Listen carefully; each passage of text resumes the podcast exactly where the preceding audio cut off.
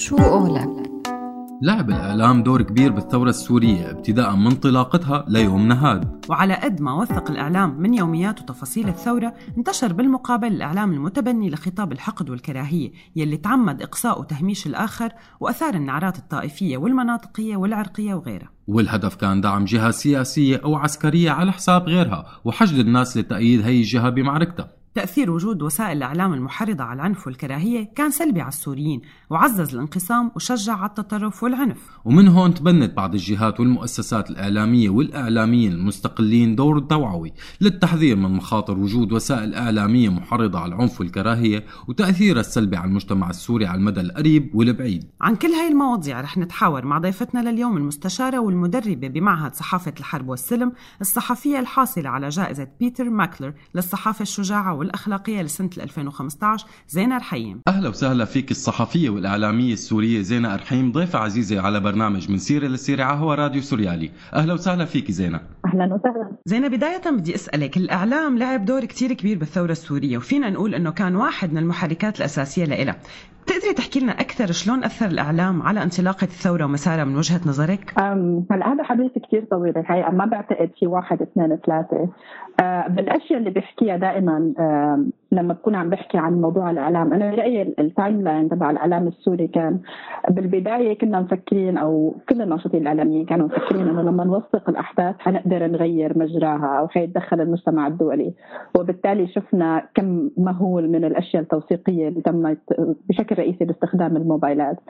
بعتقد بعد مجزره الكيماوي صار في فرق كيف السوريين بيشوفوا موضوع الإعلام. حسوا إنه هن قد ما وثقوا ما راح يتدخل المجتمع الدولي أو ما يقدروا يمنعوا حماة ثانية مثل ما كانوا مفكرين. بوقتها صارت الإنتاجات الإعلامية مختلفة. بوقتها صرنا نشوف أكثر إعلاميين متحزبين ضمن فصائل ضمن منظمات ضمن أحزاب. هلا هذا ممكن يكون احد العوامل إنه هن ما عاد شافوا إنه الأشياء العامة اللي عم بينتجوها على الفضاء العام ممكن تؤدي لنتيجة.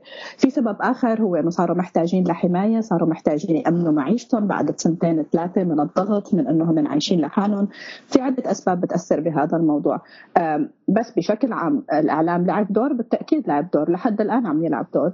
مثل أي منطقة ثانية فيها نزاع وما مفتوحة لوسائل الإعلام العالمية هن المصدر الأساسي والوحيد لكل الأشياء. اللي نحن عم نسمع عن سوريا.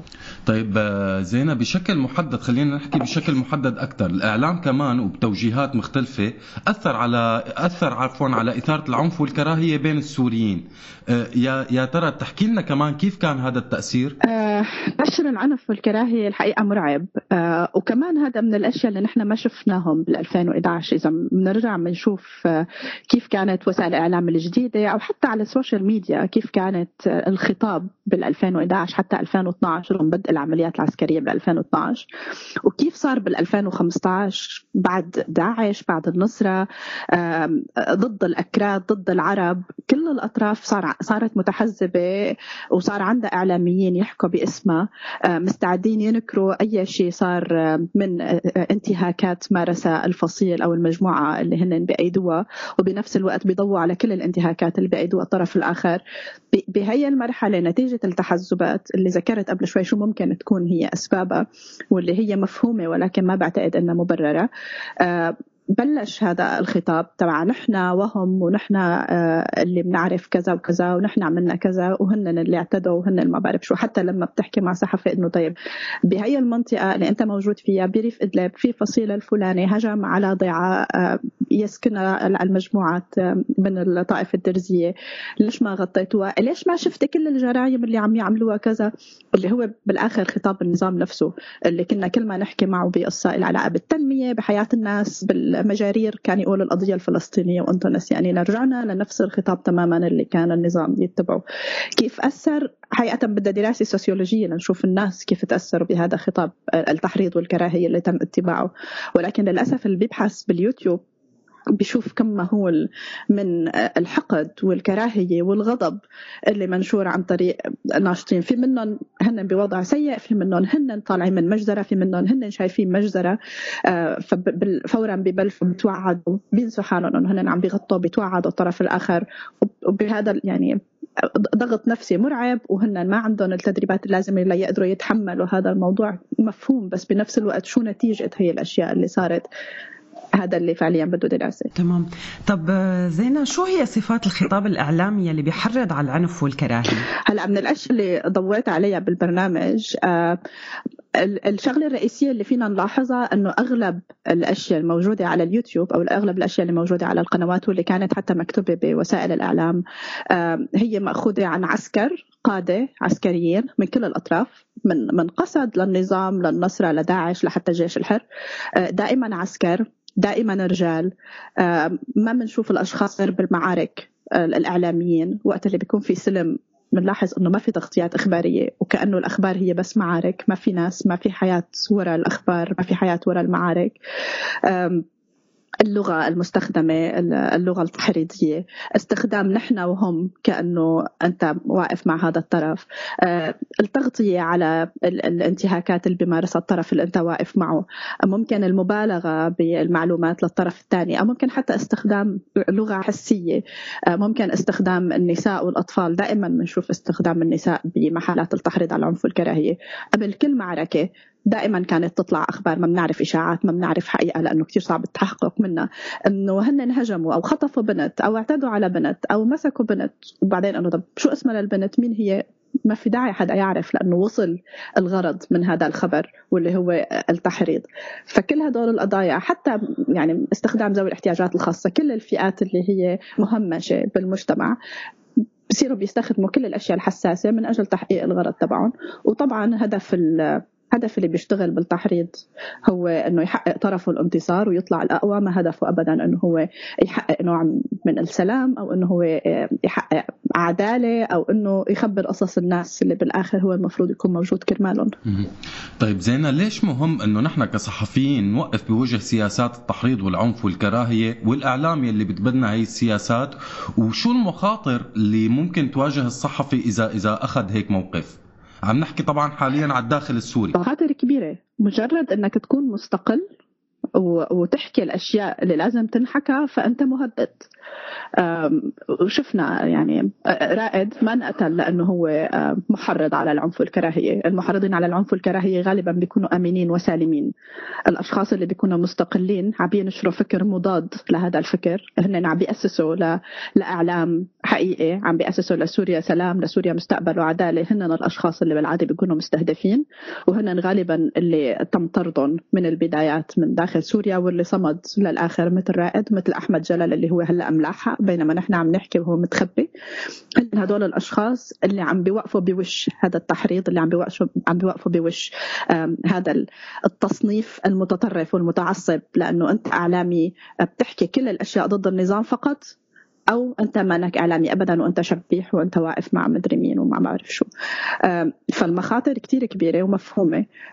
بس بنفس الوقت بعتقد في خيار إنه الواحد يضل يركز على الناس. بقصص الناس أسهل إنك ما تأخذ موقف يعني صارخ. إنه أنا ما مباني قاعد مثلا بإدلب وعم أقول أنا ضد النصرة والنصرة عم يعملوا اعتداءات. فيني ركز على قصص الناس. في مثال حتى أنا حكي عليه بالحلقات القادمة. عاملين وكالة سمارت. فيديو عن الصبية اللي خطفوها جبهة النصرة من الجامعة. يعني فعليا هن كانوا صوت طلاب الجامعة بهذا التقرير عملوه ثلاث دقائق ونص كتير مهني كتير احترافي. أول مين قدر يوصل لهذا المكان وعملوا تقرير كامل ومتكامل وهن الموجودين جوا. ما بعرف إذا تعرضوا بعدها لضغوطات أو لا بس أنا برأيي هذا هو الشغل الحقيقي اللي ممكن يأسس لأي نوع من حتى مو بس على صعيد الاعلامي يعني ممكن يأسس لسوريا الجديده اللي نحن فيها. بناخذ معلومات بشكل شفاف بشكل حقيقي فينا نعتمد فيها على الإعلام بنأسس لمصداقيتنا زينة كيف برأيك ممكن الإعلام يقدر يحافظ على مهنيته ويحمي حاله من الترويج لأي موقف عنف أو كراهية لأي طرف من الأطراف؟ ما كتير المهمة سهلة بالسياق تبعنا لأنه كمان لما بتقرري إنك ما تتحيزي لطرف أو تضلي بالوسط تتهاجمي من الجميع وأي شيء بتعمليه أو بتكتبي عنه حتى إذا بتكتبي عن مباراة كرة قدم ودية صارت بين فريقين لذوي الاحتياجات الخاصة بدمشق ممكن يهاجموك الأطراف الثانية. أنت كيف عم تحكي عن دمشق؟ أنت عم بتلمعي صورة النظام وكيف هيك عم تعملي؟ فالمهمه ما سهلة ولكن بعتقد إنه هي كثير أساسية. آه، حاولت المؤسسات الإعلامية كأول خطوة إنه يعملوا ميثاق ميثاق الشرف الإعلامي ووقعوا عليه وفي منهم التزموا فيه. وأنا يعني في, تجارب إعلامية دائما بحكي يحكي عنها بكل الأشياء اللي بشارك فيها اللي تحولت لتجارب احترافية. وبعتقد ممكن إنها هي تتحول لصحف يعني موضوعية واحترافية بسوريا المستقبل إذا قدرنا نوصل لها وبنفس الوقت في منهم ما عم يقدروا يطلعوا من هذا الجو الشعبوي. آه، نتيجة الخوف من كم المهول من التنمر اللي ممكن يصير لهم. وفي من لأنه اللي موجودين بالفريق تبع هدول المؤسسات هن بالآخر من هدول الأشخاص اللي ما عم يشتغلوا على حالهم ليقدروا يوصلوا لهذيك المرحلة. المثال الإيجابي اللي اللي أنا بذكره دائما هو مثلا على بلدي. عنب بلدي أول ما بلشوا إذا أنا درستهم أنا على صعيد تغطيتهم بموضوع المرأة. آه، كان في نقلة نوعية بسنة ولما سألته لجواد إنه شو عملتوا بهي السنة قال لي أخذنا تدريبات واشتغلنا على حالنا. الخطاب تبعهم طريقة تعاطيهم مع موضوع المرأة فرق. فاعترافهم بأنه هن ما كان عندهم خبرة وبعدين أنه اشتغلوا على حالهم لحتى أخذوا هذا البرسبكتيف فرق إنتاجهم. أنا بالنسبة لي هي تجربة رائدة. طيب زين هل تعتقدي إنه من السهل إنه الإعلام السوري وخاصه الموجود داخل سوريا مع كل شيء عمله وعم يعمله النظام السوري إنه ما يتبنى تحريض خطاب عفوا خطاب تحريض على العنف والكراهية ضد النظام مؤيدينه؟ إيه وفي في المثال اللي حكينا عليه قبل شوي اللي هو راديو فريش. أكيد عم يحكوا على أكيد عم يحكوا على الانتهاكات اللي عم يعملها النظام. أكيد ما ساكتين ما هن بالأخير الشباب كلياتهم بلشوا كمتظاهرين وبلشوا كثوار ولكن عم يحكوا عليها بطريقة ما عم بيحرضوا آه لا على المدنيين الموجودين بهذيك المناطق ولا عم يدعموا القصف العشوائي من قبل المسلحين الموجودين بمناطقهم للثانيين ولا عم بيقولوا لازم نبيد هي هي القرى. على العكس تماما آه، سليم اللي هو كان جزء من الراديو بمرحلة من المراحل انخطف لأنه هو عم بيقول إنه لازم أهالي الفوعة وكفريا يرجعوا. يرجعوا بعد ما طلعوا منا المسلحين. تمام. هلا زينة حنروح شوي ل... لعندك شخصيا. شدنا لك مؤخرا تجربة جديدة بالعمل الإعلامي من خلال برنامج اسمه لا تفتي وهي يمكن أول تجربة لك بالتقديم مزبوط؟ أه بتحكي لنا أكثر شوي عن فكرة البرنامج؟ أه البرنامج هو أه يعني أنوجد مع دليل تدريبي مكتوب. انتجه معهد صحافة الحرب والسلام. فالفكرة هو إنه يكون في شيء مرئي مع الشيء المكتوب اللي بيحكي عن الصحافة الحساسة للنزاعات. في جدل كتير كبير إنه هل لازم نسميها صحافة سلام؟ هل الصحفي مسؤول إنه هو يكون concerned أو أو مهتم بموضوع نشر السلام ولا هو لازم يركز على موضوع الصحافة. بغض النظر بيركز على أشياء كتير أخلاقية. ممكن العالم يشوفوها بسيطة وساذجة بس بنفس الوقت لما بتدوري على وسائل التواصل الاجتماعي وبتشوفي شو منشور بالإعلام السوري بتحسي إنه الأمانة كثير ثانوية. وفي صحفيين صار لهم عم يشتغلوا خمس وست سنين بالسياق السوري ولحد الآن بيوقعوا فيها. فهو عم بحاول يضوي على هدول النقط. التحريض على الكراهية الدقة والموضوعية التعامل مع المصادر. ما في ولا مجموعة من ولا مكان من سوريا ما عملت مقابلة مع أسرى بوضع ذل بوضع عم يعملوا فيه تحقيق. في كمان مواضيع بتتعلق كيف لازم نحكي وقت اللي بنكون عم نغطي مواضيع النساء. آه، شغلات كتير بسيطة من مثل إنه نحن ما بنقول اسم المرأة الكامل هي دائما مرت فلان وبنت علان. يمكن الأشياء تكون بسيطة بس بالنسبة للجمهور وكيف بتأثر وكيف بتم استقبالها لها تأثير كتير كبير. والنقطة الأساسية اللي عم حاول نركز عليها بكل الحلقات إنه نحن فينا نكون أكيد ما حدا محايد ولكن فينا نكون موضوعيين فينا نشتغل آه، بشكل مهني وعلى الأقل نضل مركزين مركزين على الناس لأنه بالآخر الصحفي المفروض يكون شغلته إنه هو يوصل صوت الناس ويوصل صوت العالم اللي ما نقدر نتوصل صوته. العسكر والرؤساء والقادة صوتهم كتير عالي وعندهم ألف مصدر إنه هن يطلعوا صوتهم.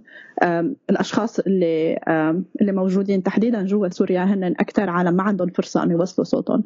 والصحفيين الموجودين جوا أو حتى بدول الجوار هن المفروض يكونوا أخذين هذا الدور.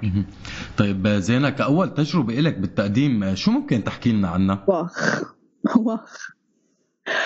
هلا أنا بال من عشر سنين لما كنت مع الأورينت بالشام قبل ما يسكرها الأمن آه، يعني كنت عم أقدم تقارير وعم بشتغل هيك بعدها قعدت تماما. آه، كانت كتير تجربة صعبة وأحد أهم الصعوبات اللي كانت بالنسبة لي وأنا عم صور إني أنا كنت عم بسمع شو التعليقات السلبية اللي حتنكتب.